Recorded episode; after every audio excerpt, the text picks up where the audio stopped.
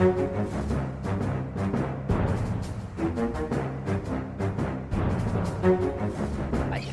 vi eh, i gang, rett og slett? Vi er vel så klare som vi kan få blitt. Ja. Nei, men Da ønsker vi velkommen til en ny uh, Aftenpodden. Vi er rett og slett tilbake etter uh, ferie og klare for valgkampmodus. Yeah! Eh, nettopp. Kulturredaktør Sara Sørheim, du er på plass i studio. Ja. Her sammen med meg, Lars Glomnes, og Trine Eilertsen, politisk redaktør. Du har gjemt deg oppe på fjellet fordi du uh, lar valgkamp være valgkamp og klatrer opp på topper og opplegg. Ja, ja, altså de som har hørt stemmen min før, vil jo tro at jeg har brukt ferien min på de mørkeste barer med de lengste sigarer og dypeste whiskyglass.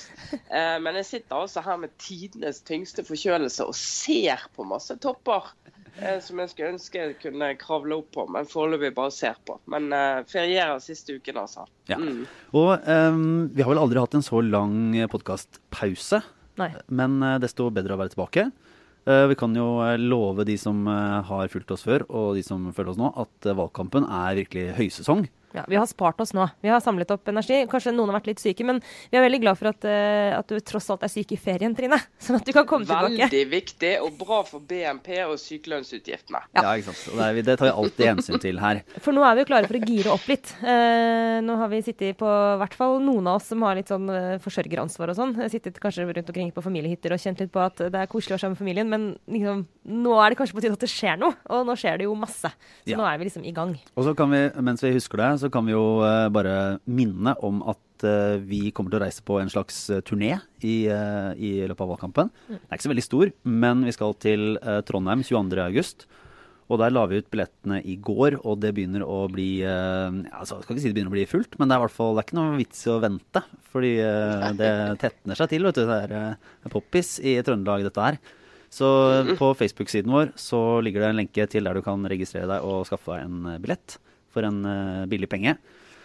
Eh, men eh, mens vi trekker rolig tilbake til arbeidslivet, så er jo politikerne i gang, så vidt. Det begynner jo tidligere og tidligere, disse valgkampene, år for år. Men før, du, før, vi kommer på det, vi skal jo flere steder enn Trondheim, da. Vi må kanskje si det òg. Ja, ja, vi skal til uh, Tromsø 29. august. Ja. Og så skal vi til Bergen uh, 8. september. Og så har vi en ekstremt uh, spennende plan, eller i hvert fall vi har en plan, om å ha noe i Oslo før valget. Det må vi få til. Vi bare vet ikke helt når og hvordan ennå. Nei, men det tror jeg er så mange steder at det teller som at vi har lov til å kalle det for en turné. Jeg er litt usikker på hva som er definisjonen av turné, men det er i hvert fall flere enn to steder, og det er utenfor Østlandet. Så for meg er dette veldig spennende. Arendal, ikke neste uke, så da må vi ta med. Ja, der skal vi jo sitte og uh, prate opp til minst én gang. Ja. Så, eh, men jo, eh, du vet det nærmer seg valgkamp når eh, det dukker opp bilder både på sosiale medier og tradisjonelle medier av politikere som møter dyr. og i det hele tatt beveger seg utafor Stortinget og stiller opp på ting de aldri ellers ville stilt opp på.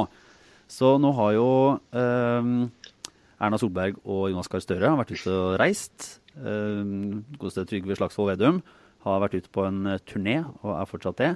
Og eh, Ja, og eh, Knut Arild Hareide har vært hjemme hos Nei, omvendt. Erna Solberg har vært hjemme hos foreldra til Knut Arild Hareide med unge Hareide på slep. det er jo etter hvert- blitt en tradisjon. Jeg var med på det for fire år siden. Ja. veldig hyggelig. Veldig trangt inne i stua hos eh, de gjestfrie bømlingene, heter det det? Men eh, ja, i tillegg til alle disse rare bildene er, har, vi en, har vi noen kåring av, eh, av de beste bildene så langt? Jeg likte jo Erna Solberg stiller jo alltid villig opp. eh, først med en sjøløve, og så med en gjeng med sånne lemurer i Dyreparken. Ja, altså jeg synes jo eh, det, det, de, de som kiver om topplasseringen, er jo Erna Solberg og Sjøløven. Det var jo et ordentlig kyss. Jeg var i akvariet den dagen. Jeg kommer aldri til å glemme det. Um, Hvorfor og det? Altså, bare sånn, Var du der fordi Erna skulle komme, eller var det, helt, var det Nei, det, det var faktisk helt tilfeldig. Det høres jo nesten litt rart ut, men uh, jeg var der tilfeldig, og plutselig så vi noe folk med propp i øret. Da tenkte jeg aha, det er valgkampstart i Bergen i dag for eh, Erna, så da kommer hun altså her. Propp i øret, det er altså eh, livvaktene til eh, statsministeren, som du aner da. Så vi har sett noen ganger før. Nei, men Det er jo det bildet. Og så er det jo da Hadia Tajik oppå denne her fjellformasjonen med det gøyale navnet i Egersund, som med et norsk flagg i hånden. Som på mange måter uh, satt meg ut i hele går. Altså, Kan vi bare ta oss og tømme oss på den saken med en gang? Jeg, jeg, jeg, jeg bare minte meg selv og Lars, da vi, vi spiste lunsj her i stad, Trine, på at uh, jeg mener at metaforer skal, bare, skal man stort sett unngå. Eh, sånn generelt, og i hvert fall i journalistikken. Såkalte språkblomster. De, de gangene jeg sitter og redigerer ja. manus, er bare sånn Få det bort! Bare få det bort. Og jeg har aldri kjent så mye på mitt behov for å gjøre dette om til lov som da jeg leste intervjuet med Hadia. Altså det, det, ja, det starten en, på det intervjuet var jo Jeg vet ikke. Altså, er, det, er det Hadia Tajik eller journalisten sitt ansvar når du har bilde av hun oppe på denne her eh, eh, trollpikken, og starter intervjuet med at hun sier det er for lite sprut i valgkampen til Høyre og Frp. Ja. Det er, altså, alt det her, det var det, litt det, er så over, det er så over grensen og si, under grensen. og det Men mener du at, jeg mener at det, det er ufint, eller bare at det er liksom platt? Ja, jeg syns det er så platt. Må, ja, altså, det sier mye om både Altså, det sier ting om jeg vet ikke hva om norske si, verdier. Altså. Sier, noe, sier noe om hvem vi er som folk. At, at, vi lar oss underholde av det her? Ja, men det er helt... Jeg syns det er grusomt. Grusomt. Ja, altså jeg blir helt uh, altså Ingenting for meg sånn at, at, det er liksom ufint eller noe å gjøre. Altså bare, det er bare så utrolig som Trine altså, ja, Platt er ordet. Uh, så lurer jeg på Jeg blir flau. Jeg blir flau. Og jeg liker jo ikke å bli flau og når jeg leser om mennesker som kanskje om en halvannen måned skal styre landet jeg lever i. Men det jeg, lurer... jeg, jeg misliker det. Men det jeg lurer veldig på da, er eh, altså Hvis det er VG som bare ikke har klart å holde seg, så har jeg en viss forståelse for det. og, og liksom, Greit. Men eller ikke greit, men jeg, mener, det, det, jeg ser hvorfor det skjer. Men uh, det jeg faktisk helt sånn seriøst lurer på, er om dette er et forsøk fra Hadia Tajik sin side. Sånn, er det et strategisk forsøk på å liksom, gjøre litt med hennes uh, Altså hvordan hun blir oppfattet i offentligheten? Prøver hun f.eks. nå å være litt sånn gøyal og folkelig? Er det det hun driver med? I så fall så er dette bare uh, for meg bare beviset på at liksom, hele ledelsen i Arbeiderpartiet er bare fullstendig på villspor. Altså, virkelig helt sånn. Fordi dette kommer jo samme, i, i, samme uke eller uker som at eh, Jonas Gahr Støre reiser rundt Norge som liksom, barnebarnet til Håkon Lie. I sånn rutete tømmerhoggerskjorter. Bare hva er det som skjer, liksom? Vi, vi liker smarte folk. Velkledde mennesker, velartikulerte, høyt utdanna. Altså, både Hadia Tajik og, og Jonas Gahr Støre har jo blitt Altså, de er gode politikere, og de har hatt og har eh, til en viss grad høy popularitet i folket fordi de er smarte og oppegående. Må ikke prøve å bli Stutum eller Håkon Lie. Da kjenner jeg sånn, Noen må bare si til dem bare stopp. Det er, det er fint. Vi hadde, sånn, vi hadde en slags, uh, et forsøk på å oppdra Jonas Gahr Støre til å ikke ta bilde av seg selv mens han spiste uh, pølser eller pizza i forrige valgkamp. Og denne, denne sesongen så blir det rett og slett kampen mot ruteskjorta. Ja. Og kanskje den DNT-lua, som ja, var en ja, tragedie. Ja, altså, vet du hva.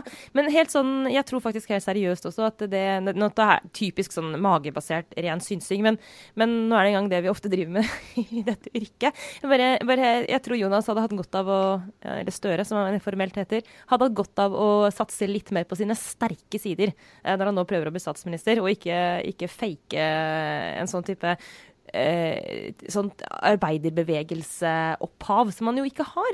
Og alle vet det, det er gammelt nytt. Han er en kjemperik eh, vestkantmann. Kan fint være en god leder av Arbeiderpartiet. Åh, bare, hvis han ikke har kommet over det ennå, så er det liksom for seint for han. Altså, da er jeg alvorlig bekymra for hans mulighet til å Ja, dere vet. Det, det jeg lurer på, er om han sier Viken eller helg. For her ute i distriktet da, så er det de som sier Viken. Det, det, det er ikke håp. Ja, men Trine, men er du ikke enig med at han kunne Han, han burde bare Altså, han er jo den han er. Bare si Viken. Si Viken, du. Ja.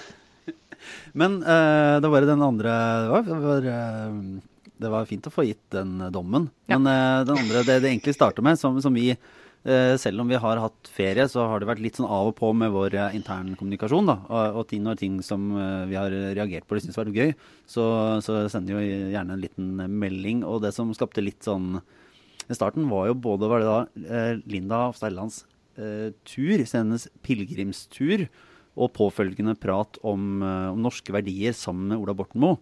Ja.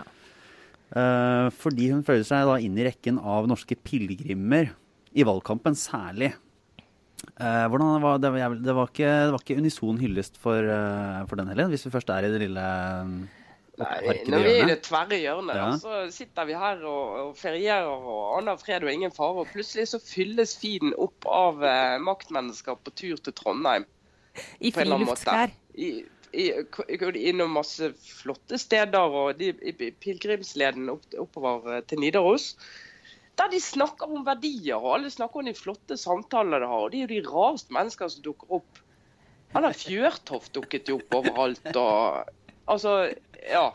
Men, men da Så tenker du det som gjør at i hvert fall jeg får litt sånn eksem av dette her, det er denne her eh, overbygningen om at for at vi skal kunne snakke ordentlig om verdier, så må det skje innenfor denne her slags nyreligiøse, kristne konteksten.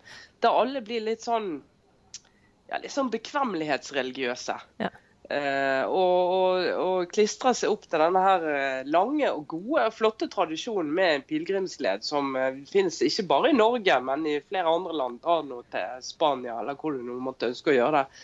Eh, der folk går og tenker eh, fine tanker. og mm. mot et mål, og De har sannsynligvis en tro i seg som gjør at det, det har en ekstra sterk betydning for dem. Men så plutselig blir det en sånn greie. Jippo på vei frem mot valget for å knagge det på alle disse norske verdiene som vi omtrent da også ikke kan snakke ordentlig om, skapes det inntrykk av, med mindre vi har denne overbygningen. Og Det syns jeg er å smalne inn en debatt, og ikke utvide en debatt. Ja, og, og det, Jeg tror jeg skjønte nå, for jeg altså kjente en sånn irritasjon. Eh, jeg så alle disse, denne evige rekken med, med bilder fra denne spaserturen, eh, som jo bare var eh, sånn PR-hippo fra Hellelands side. Fair enough. Hun ville ha oppmerksomhet rundt denne pilegrimsleden og den typen uh, samarbeid mellom kultur og næring, som tydeligvis er det som driver henne. Eh, mer enn hennes kristne tro, vil jeg kanskje til og med våge å påstå, uten at jeg vet noe om det. Men det som, det som irriterer meg, er jo at hele poenget med en sånn pilegrimsvandring er jo å vende blikket litt innover. Eh, og, og, liksom møte seg selv og, og, og liksom oppleve noe der ute, da, alene med tankene. Det er bare noe så selvmotsigende at du skal eh, dokumentere hver centimeter du går med selfies og legge ut på sosiale medier. Altså, det er på en måte helt sånn, det bare, det bare undergraver hele poenget med å gå en sånn, sånn type tur som det. Og det bare irriterer meg at det blir sånn Se å bli sett-arena, da, vet du. Ja. Og, det, og dette blir den der, den der overfladiske, den derre um, blandingen, den der skikkelig usmakelige, egentlig, sausen. Uh, når man blander en dose nasjonalromantikk, en dose norske verdier, en dose litt sånn lett religion, og rører sammen, så, så kommer det ut noe på andre siden som bare uh, da mangler dybde. Da ender du opp på tunet til Ola Borten Moe. Ja. Det er det du gjør. Det er akkurat sånn, det er helt sånn umulig å unngå. så tar du en vaffel med brunost der, ja. og så begynner du å lire av deg ting som gjør at ja, du bare slutter å lese aviser en uke. Ja, noe av det meste får ta også ja, Kjære lyttere, vi må bare si at vi er lenge siden vi har fått tømt oss nå. Så dere får bare, dere får bare leve, leve, med oss. Men, uh, men, når det gjelder hele den, hele den norske verdidebatten, noe av det mest irriterende, syns jeg, er hvor dårlig og lite stringent det argumenteres. Altså, jeg syns det er helt, eh, helt, fair å diskutere um, liksom, uh, kan godt snakke om hva som er norske verdier. Nå mener jo jeg uh, Vafler, at felles barne-TV ja, altså, jeg tror ikke det har så, altså For meg er det mer sånn hva er moderne verdier? Eh, gode, moderne verdier. Og det har ingenting med Natta Norsk å gjøre, egentlig. Det, hva er det som definerer et samfunn som vi er stolte av? Kan godt snakke om det, men det må være på et Unnskyld meg, nå skal jeg si noe veldig sånn Oslo-arrogant, men det må bare være på et visst intellektuelt nivå. Altså, sorry, du må tenke litt mer på hva du sier, før du bare men, men, det er ikke Oslo-arrogant. Det mener jo jeg burde vært en norsk verdi. Er det, Sara? Så det har jo ikke med Oslo å gjøre. ok, takk. Jeg sier bare alltid det på forhånd, bare for å unngå angrep Det fins jo intellektuelle utenfor Oslo òg, Sara Sørheim. ja. Og faktisk, fikk, det, en av de som ja. har kommentert en av de som kommenterte dette aller best, det er for å bruke, for å bruke en formulering fra våre venner i Pod Save America, a friend of the, of the pod. Ja. Uh, Sveinung Rotevatn skrev i VG om dette her, og han uh, river jo fra hverandre denne her eh, nostalgiske eh, ranten egentlig fra Ola Borten Moe og Linda Hofstad Helleland. Mm. Og, og, påpeker nettopp det at dette handler om nostalgi. Det handler om en drøm om at ting skal være sånn som de var før. Det handler egentlig ikke om verdier som er felles for Norge, og arenaer som er felles for Norge, og drømme seg tilbake til felles barne-TV og, og, og, og vaffelkulturen. Eh, og Altså, Han klarer jo å løfte det opp på et nivå der det hører hjemme, og skille mellom hva som er verdidiskusjon, hva som er nostalgi eh, og mimring. Eh, men uansett altså, hvordan du snakker om dette, så hadde Tajik og brukte det intervjuet i VG til å snakke om at norske verdier det er jo egentlig Arbeiderpartiets program. Mm Men det er jo interessant. Det, ja. ja. men veldig sånn Altså, det er fem-seks fem, uker til valget nå. Så skal, skal noen prøve å ta eierskap til hva som er norske verdier. Jeg kjenner jeg blir irritert. tenker Av frekkhetens nådegave, altså. Men det er jo tydelig at, eh, at, det veldig Det oppleves som en veldig viktig, eller veldig sånn riktig politisk ting å ta opp akkurat nå. For du ser at alle egentlig politikere ser ut til å kunne knagge sine mm, oppfatninger på dette. da. Og, det, og, og sånn sett så fungerte jo Jeg syns jo saken hadde noen svakheter at det, det, var så, det var litt uklart hva ja, For det er litt, kanskje litt banalt at det er vafler og, og, og felles dusj som er norske verdier. Um, altså ikke bare men, banalt, bare idiotisk. Kan vi bare si det men, men, det var jo heller ingen, det var heller ingen konkret uh, påpekning av hva som eventuelt var trusselen mot disse norske verdiene. Uh, og så, uh, men et så, så, diffust utspill gir jo da muligheten til at Hadia Tajik kan gå ut og si at norske verdier er Arbeiderpartiets politikk. Og Sylvi Listhaug kan gå ut og si uh, norske verdier er under press fra innvandringen, og du må være modig nok til å si det. For det er, ja, dette er liksom det mm. B de ikke turte å si etter å ha sagt A. Og Sveinung Rotevatn kan skrive en litt mer sånn venstre opphøyd kommentar om, om måte, overbygningen. Men, eh, men, det er jo tydelig at i denne, eh, denne valgkampen som startet med, med Norge i, eh, i sentrum, så, så, er dette en sånn innbegrep som potensielt kan følge litt videre gjennom valgkampen. da. Ja, jeg, jeg, tror du har rett i det, Lars. Og så tror jeg jo, altså Det dette egentlig dypest sett handler om, det er jo å reagere på Norges mest vellykkede politiker i øyeblikket, Sylvi Listhaug. Mm. Ikke sant? Altså, Ikke la hun få lov å ha den uh, banehalvdelen for seg selv. Og, og, ikke la hun få lov å eie liksom, dette begrepet norske verdier. Ja, uh, ja, Sara? Ja, nei, for det, det altså, å, Åpenbart ja. Det er helt uh, tydelig et forsøk på å fiske i farvannet til, uh, til Listhaug. Men, men, det forsterker også veldig at uh, det er jo en som kjemper om tittel, altså, Hvem er Norges mest vellykka politiker? Det er akkurat nå. Ja, Sylvi Listhaug gjør mye som gir henne vind i seilene. Men så har du jo Senterpartiet og Trygve Slagsvold Vedum som egentlig nå sitter litt stille i båten, men som jo også har et veldig tydelig eierskap til akkurat denne diskusjonen. Annen innfallsvinkel enn Fremskrittspartiet, men men som har høy troverdighet i liksom, diskusjoner rundt hva er det egentlig, hvilke verdier er det som er under press, hva er det vi ønsker å kjempe for, det rotnorske og mm. Distrikts-Norge osv. Og, og det er jo en bevegelse nå som bare vi, altså, At Senterpartiet kommer til å gjøre et godt valg, er vel en av de få tingene som vi kan ta, om ikke for gitt, så iallfall det, det, virker veldig åpenbart at de kommer til å Den bevegelsen er sannsynligvis ikke bare et blaff, da. Mm. Eh, så, så, da tenker jeg at vi, fordi hva, hvilke saker som kommer til å um, prege den valgkampen vi nå går inn i, det er tegn som tyder på at dette her ikke bare var en, et engangstilfelle, men at denne type diskusjon Det er flere som har ganske høy interesse av å gå inn i dette. Eh, og det kjenner jeg at jeg blir litt sånn Da blir jeg litt sånn stressa fordi en ting er at jeg irriterer meg over det jeg mener er dårlige og lite gjennomtenkte argumenter.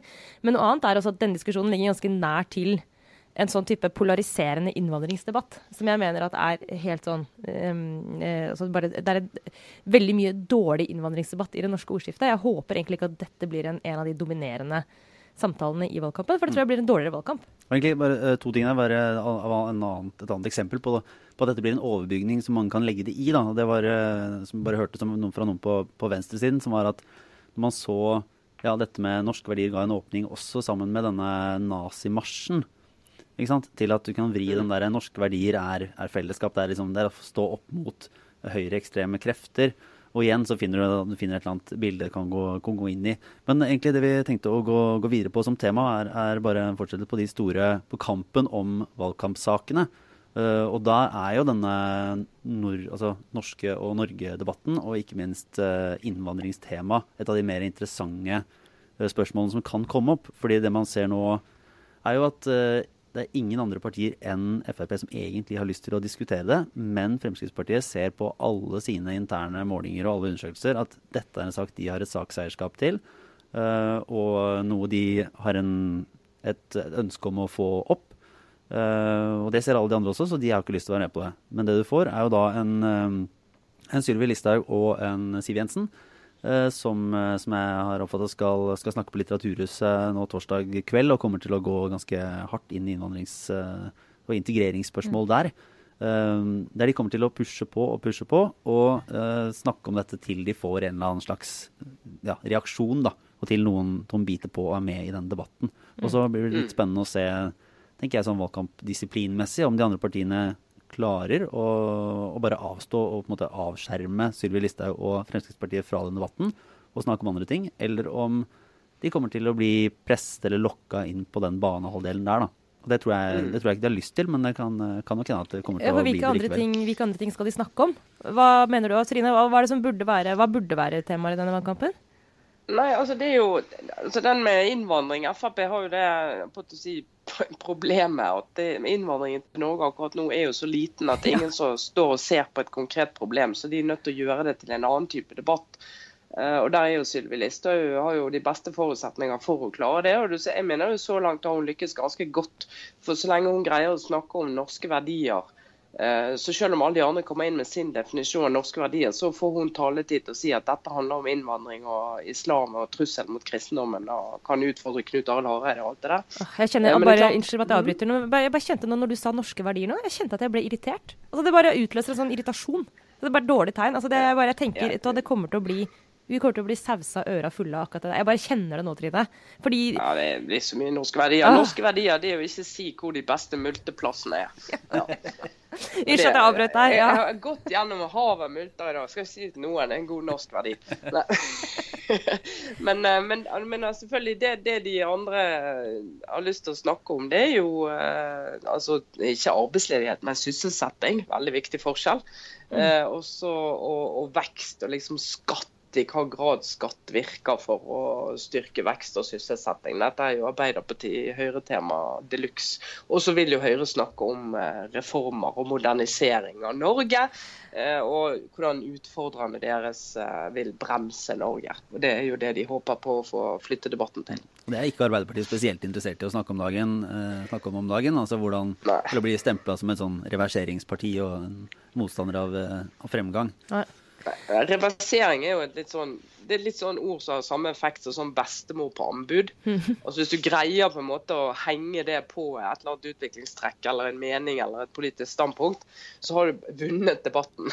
så det, er Hvis de greier å få, få eh, Arbeiderpartiet og Senterpartiets politikk til å gå under tilnavnet reversering, så er mye gjort. Men jeg er faktisk skikkelig spent på øh, Altså mer spent enn jeg pleier å være før en valgkamp. Også rent sånn personlig altså, på hvordan valgkampen skal utspille seg. Rett og slett fordi det er et vanskelig valg i år. Jeg tror, jeg tror ikke jeg snakker bare på vegne av meg selv. Altså, det, er, det er ikke sånn det, Jeg tror mange eh, Jeg tror mange kan kjenne litt på en sånn eh, Mange lilla-velgere kan føle seg litt lost for tiden. Bare sånn Det er vel få som føler at dette er et sånn skjebnevalg. Og Jo, men det er litt veldig lite, det er veldig få jeg har snakket med, i hvert fall, som har følelsen av at det vi, altså, den stemmen avlegger i, i høst, er avgjørende for, eh, for Norges fremtid. Den, eh, Nei, men det er, samtidig, det er samtidig konstellasjoner nå som gjør det veldig vanskelig. Altså det, er, det er ikke like åpenbart. At det er ganske mange spørsmål. F.eks. Altså, koalisjonen eller samarbeid altså, Når Arbeiderpartiet og Senterpartiet går sammen, så er det, er det veldig mange velgere som kjenner at det er vanskelig. Når Høyre og Frp går sammen, så er det mange som syns at det er veldig vanskelig. Altså, det er en, det, er- jeg, tror jeg tror en del velgere kan flyttes eh, nå basert på hvordan valgkampen utspiller seg også. For altså, hvem er det som kommer til å fremstå? Hvem kommer til å appellere til? Det er mulig jeg nå bare dagdrømmer, men jeg tenker liksom den moderate velgeren. da. Altså, vi snakker veldig ofte om saker og utspill som, som, som skal uh, appellere til grupper som uh, kanskje er altså, type, veldig tydelige uh, grupper som kanskje ikke har hatt et talerør. eh, eller som trenger å bli sett og hørt. og Ofte så er vi opptatt av de sakene. Men jeg er opptatt av nå de der helt sånn altså mainstream-diskusjonene som skal appellere til moderate velgere. Der tror jeg faktisk at det går an å flytte noen. Dette er bare magefølelse. Jeg vet ikke om du, Trine, har noe, har noe eh, Altså, er, dette, er, er- det empiri for å tro dette, eller er det bare et sånt, en sånn dagdrøm? Nei, altså, mitt inntrykk er jo at det er mange som deler den eh, hva skal jeg si, litt sånn urolige forvirringen over hva alternativ er det egentlig vi står overfor. Så Politikerne hater å snakke om regjeringsalternativ. Men, men de er jo helt nødvendige å snakke om. Det har vi vært innom i, i podkasten vår før. For det er jo klart at For en velger har det enormt mye å si eh, hvem partiet du stemmer på skal samarbeide med. Altså Hvis du stemmer på Høyre eller Arbeiderpartiet, har enormt mye å si hvem de skal samarbeide med. Og både for følelsen din for hva type valg du har gjort, og konsekvensene av det valget du har vært med på å gjøre, og rett og slett for hva politikk som blir ført uh, i landet. da. Og Vi vet jo altså at både Frp og, og vil jeg tro Senterpartiet nå, der Senterpartiet er, for sånn er det ofte med partier som vokser uh, raskt, og kommer på litt sånn populære bølger, de er da veldig godt likt av en god del, men så er de tilsvarende sterkt mislikt av andre. Mm. Uh, og Sånn sett virker både Frp og uh, Senterpartiet uh, polariserende overfor en del velgere som får helt sånn Nei, de skal i hvert fall ikke ha noe med å gjøre. Mm. så for en del som stemmer Arbeiderpartiet, og som er i den sfæren, så er det ikke åpenbart enkelt at Senterpartiet skal ha en så sterk rolle i en ny regjering. Mye vanskeligere nå enn det var for tre år siden og fire år siden, Mm. siden partiet har vokst så veldig. Og har så markante standpunkt i en del saker som for den klassiske Arbeiderparti-velgeren egentlig de er ganske komfortable med det som regjeringen har lagt seg. Mm. Men eh, jeg lurer på, vi skal eh, gå, gå videre fra den lille runden på temaet. Nå, nå braker det virkelig løs, og det, mye kommer til å av, måtte avtegne seg i, i ukene som kommer. Vi skal, eh, skal ha litt eh, Det er mye vi har, vi har tenkt på mye gjennom sommeren, vet du. Så det er mye obligatorisk refleksjon å ta med inn i den første, første lille podkasten vår. Mm. Du er jo mer på, på populærkulturen, Sara. Du, altså Det er jo mitt tunge lodd her i Når du, livet. når du har sittet på hytta di og kikka utover havet og Nei, nå- lekt med sand... Hva? Eh, nei, det, nei, nå skal du høre her, Lars, at eh, når jeg er på hytta med familien, så tviholder jeg i den bitte lille jeg har av, av tid til å gjøre voksenting. da. Eh, så, så tviholder jeg på en sånn, et sånt bilde av meg selv som en, en som leser bøker. Som tross alt er kulturredaktør. Og prøver å forholde meg til litt sånn eh, høykultur, da. Eh, og der, derfor så, men det grunnen til at det går i det hele tatt, er at vi ikke har internett på hytta. Så jeg får ikke sett på ikke Netflix eller Altså, vi har bare 4G, da. Og jeg er såpass anstendig at jeg ikke sitter og streamer Game of Thrones på liksom, jobbens regning. Selv om jeg kunne kanskje kommet unna med det. med å si at det er research. det. Men så det første som skjedde når vi endelig kom oss hjem til byen fra hytta, det var jo å bare sette seg ned og kaste seg inn i siste sesongen av Game of Thrones. Eller det er siste sesong, men den er delt i to, da. Så det kommer en avslutning til Det er en uting. Det, er, det Ja. begynte med det var sånn Ringenes herre og Harry Potter, alle de der seriene. Sånn, ja, siste, men ikke helt siste. Men vi har delt Ja, Det der er delt i to siste sesonger. I det hele tatt sesonger som er delt i to. Enten er det en sesong, eller så er det ikke en sesong. Ja, vi, vi bare her må vi skrive en leder om, eh, Trine. Ja, vet du, Dette syns jeg, det her må noen ta tak i. Enig. Eh, Men uansett, da. Vi kan si at the end game eh, kommer stadig nærmere eh, i Game of Thrones. Og det er for meg veldig givende, eh, jeg vil nesten si nyttig, å se Game of Thrones sånn i oppstarten til en valgkamp. Fordi valgkamp handler selvfølgelig først og fremst om politiske saker og bla, bla, bla. Men det handler selvfølgelig også en god del om spill og strategi og maktkamp og hvem Altså det å være en kingmaker eller queenmaker og, og så videre. Og ingen gjør jo det bedre enn eh, George. R. Martin og i Game of Thrones hvor maktkampen nå har liksom virkelig spissa seg til. Eh, og det jeg sitter og kjenner på, helt sånn Jeg er bare så utrolig eh, bekymra for eh, om de som lager TV-serien, eh, har fått, eh, satt, fått sånne griller og tenker at de skal finne på sjøl. Og at de bare skal dikte seg videre og lage en avslutning av Game of Thrones som ikke kommer til å stemme med bøkene. Eh, eller om de er smarte nok til å snakke med denne forfatteren. Fordi som mange av dere lyttere vet, så har jo altså slutten på Game of Thrones ikke blitt skrevet ferdig ennå. Altså bøkene er ikke ferdig. Så TV-serien har nå begynt å freestyle litt, for de må jo av produksjonstekniske hensyn eh, eh, De må bare bli ferdig med serien. Så det er sånn jeg bruker helt, helt virkelig sånn Håper ikke sjefen vår hører på, for jeg bruker utrolig mye tid på internett nå for å finne ut av liksom Kommer dette til å skje i boka eller ikke. Men, eh, men det er veldig viktig at du nå ikke er på spoiler-nivået. Ja, jeg skal bare Eh, tipse helt til slutt. Men jeg, jeg, jeg, må Ja. bare stille et videre spørsmål. Fordi jeg har jo da Jeg liker ikke Jeg orker ikke den der én episode i uka-greiene. Det er for eh, det er for mye venting og for lite. Så nå har jeg spart opp, så jeg har ikke sett noen ting av sesong syv. Jeg var veldig treig til å se hele de første seks. Det så jeg i fjor sommer. Så jeg er klar. Er det, er det like bra? Er det, Det er veldig bra. en god start? Mm. Det er, eh, det er en veldig god start. Det som er utfordringen, er at det er liksom hashtag eh, 'efficiency is coming'. Altså, de har dårlig tid. De må liksom hoppe over veldig mye, for å, de går fra høydepunkt til høydepunkt. Det er nesten litt i overkant, uh, men det er veldig underholdende. Og hele poenget med denne ranten egentlig var bare å tipse dere kjære lyttere om en podkast. Uh, for hvis dere som meg sitter og kjenner på en sånn indre uro og glede over at dette her endelig er i gang, men ikke får helt utløp for liksom alt man tenker, det er ikke så mange på jobben som gidder å høre på sånne lange, intrikate uh, The Game of Thrones-teorier, så er det en podkast som heter um, A Storm of Spoilers. Uh, og der sitter det tre folk som er så nerder som er Altså, jeg har aldri uh, hørt på maken. Uh, men hver uke legger du ut en ny pod etter eh, episoden, hvor de diskuterer alt. Så hør på den, folkens, hvis dere er som meg. Og hvis ikke, unnskyld for at jeg har brukt tiden deres på dette. Men, men Storm of Spoilers, bare gå inn på den.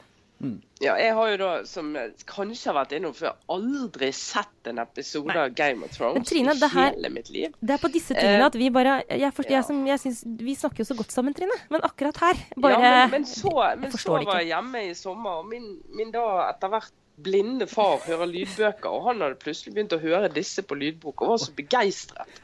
Og sa Ah. dette burde du se, Trine, Nei, Ja. som er så opptatt av politikk.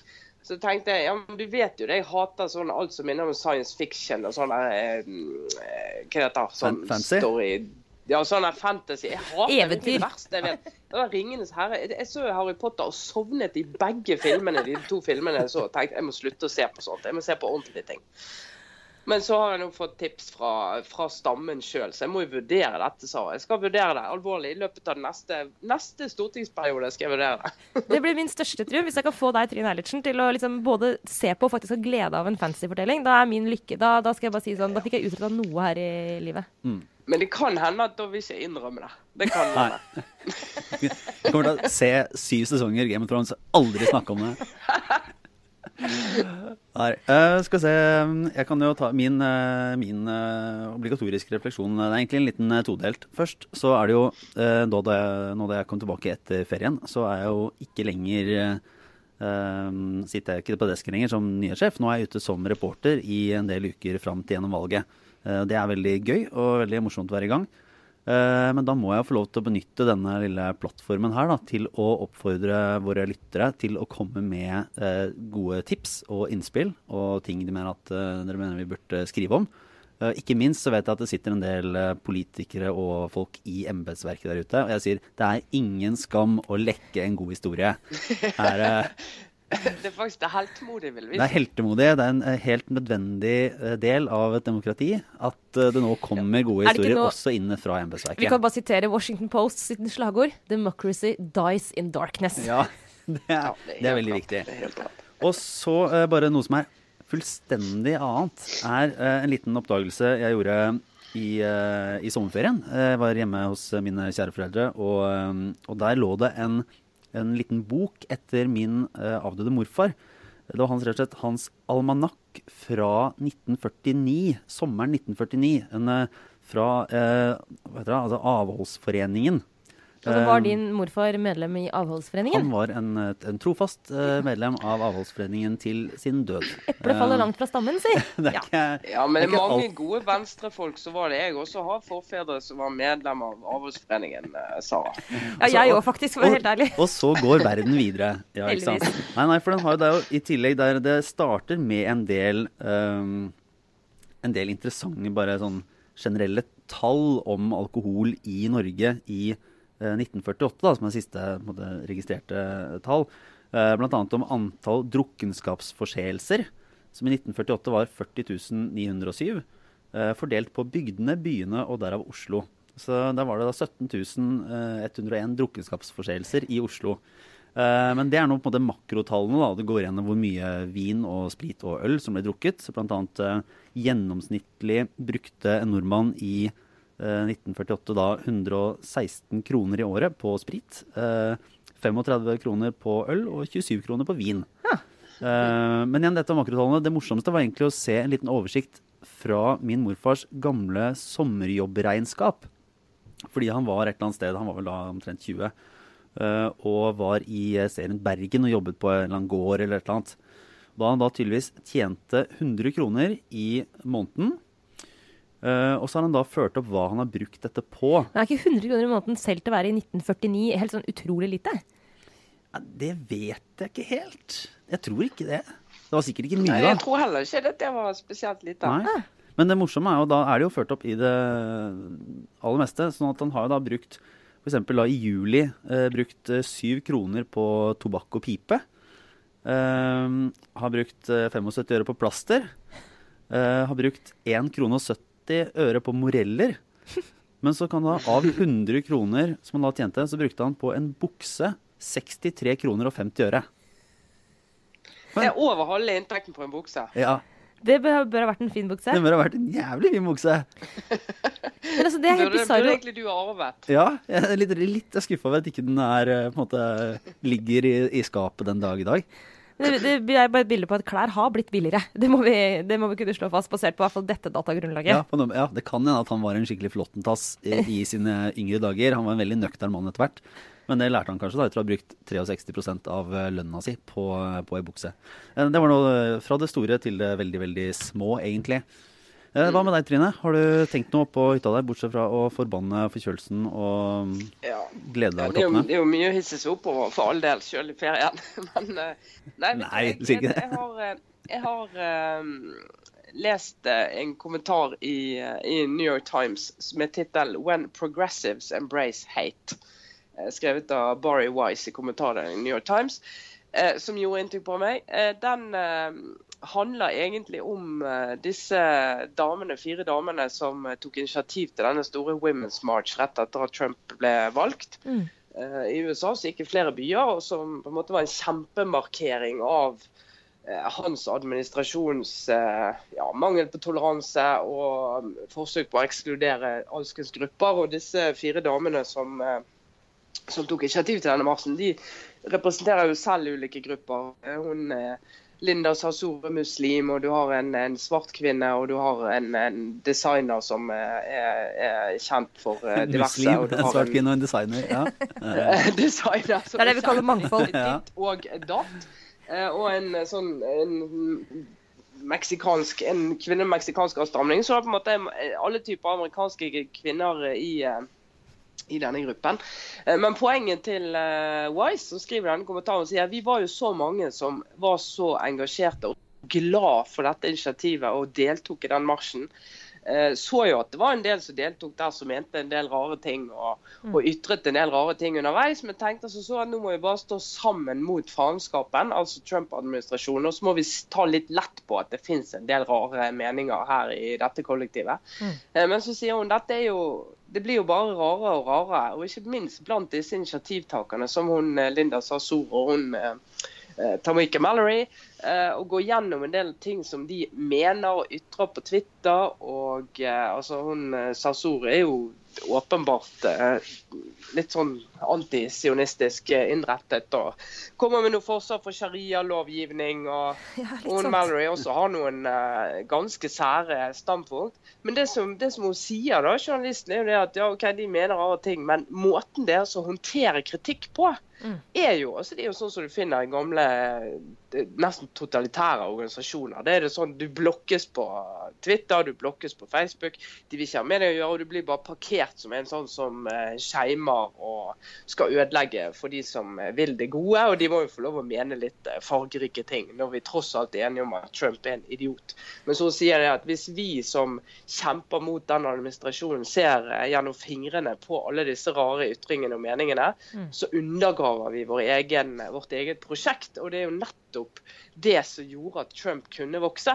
Det var at så mange i, på republikansk side så gjennom fingrene med noen av de mest vanvittige standpunktene og tenkte greit, dette får vi bare tåle. Vi må få et skifte. Vi må få vekk Obama. Vi får ta med litt rusk og rask på den veien. eh, Og problematisere det veldig bra. Eh, Men som hun sier, dette kommer sikkert til å ende med at det blir blokket av eh, samtlige av disse heltemodige initiativtakerne. For det er sånn de reagerer. Utrolig viktig at hun eh, skriver den kommentaren. Så den merker jeg satt litt i magen. For jeg også merket det at denne Women's March var litt sånn ja, rørende greie som skjedde i vinter. Og du tenkte jøss, her er det folket som, Men det, siste, det, er jo, som stiller.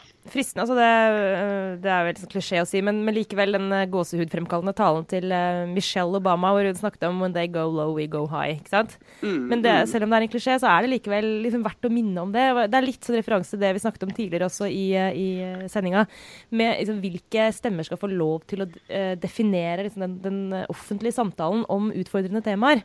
Og den der, ja, ja, min sånn lille sånn hyllest til liksom den, de, de moderate folka som, som, som Altså fornuftige mennesker som kan være uenige på sak, men som er innafor liksom, rammene av, av mennesker som vil samfunnet vel. Eh, og mennesker som liksom tenker at vi må bare bli, klare å bli enige om et eller annet fornuftig. Altså sånn, Du sitter inni den lille elitebobla di, Sara. jo, men jeg bare, jeg bare, blir sånn, jeg bare, jeg bare er så lei av at, eh, at liksom folk med håper å si, ekstreme ståsteder da, men, ikke misforstå meg nå, at folk som, liksom, som ikke, som ikke liksom ønsker å få til et faktisk samarbeid, får lov til å ta tak i sånne felles saker og så stikke av gårde med dem og så få eierskap til dem. Og liksom frata andre mennesker liksom, f.eks. da eh, naturlig plass i den, i den politiske debatten. Og sånne kommentarer som du refererer nå, Trine, er jo sånn viktige for å minne om at vi må ikke bare overlate til eh, folk som bare er polariserende. Det er vel ikke det jeg mener. Altså, stemmer som kun eh, er polariserende, de er egentlig, det er egentlig farlig for den offentlige debatten. De må ikke få lov til å stikke av med sakene. Nei, jeg legger ut kommentaren på Facebook-siden vår. Ja, ikke sant, for den bør jo alle følge, rett og slett. Hva skal vi se, er det noe annet? Jo, så bør de gå inn på hvis uh, Nå har vi jo ikke operert på iTunes eller andre sånne lister på ukevis, da, naturlig nok, siden vi ikke har, eh, har lagt ut noe. Men uh, der kan alle bare løpe inn og så skrive en sånn liten rating og legge inn en stjerne og i det hele tatt. Uh, være en teamplayer og gjøre en innsats. Ja. Ja, det er fritt eh, fram, selvfølgelig, men bør eh, følge, følge oss på Facebook. Og så kommer vi tilbake nå først ukentlig, etter hvert enda hyppigere. Etter hvert som valgkampen skrider frem. Eh, Så kommer det også litt intervjuer og andre ting under den store, fine Aftenpodden-paraplyen. Ja, vi er i gang, heldigvis. Rett kan vi og si. slett. -hmm. Neste uke er du på plass her i studio med oss, eh, Trine. Ja, Da skal jeg ha uten snytepapir og med normal stemme. Ikke sant? For en luksus. Nei, men Det gleder vi oss eh, til, og så takker vi for oss eh, for denne gang. Eh, Rett og slett. Trine Eilertsen fra Fjellheimen, Sara Sørheim og jeg, Lars Glomnes, her i studio. Ha det så bra, alle sammen. Ha det! Ha det bra.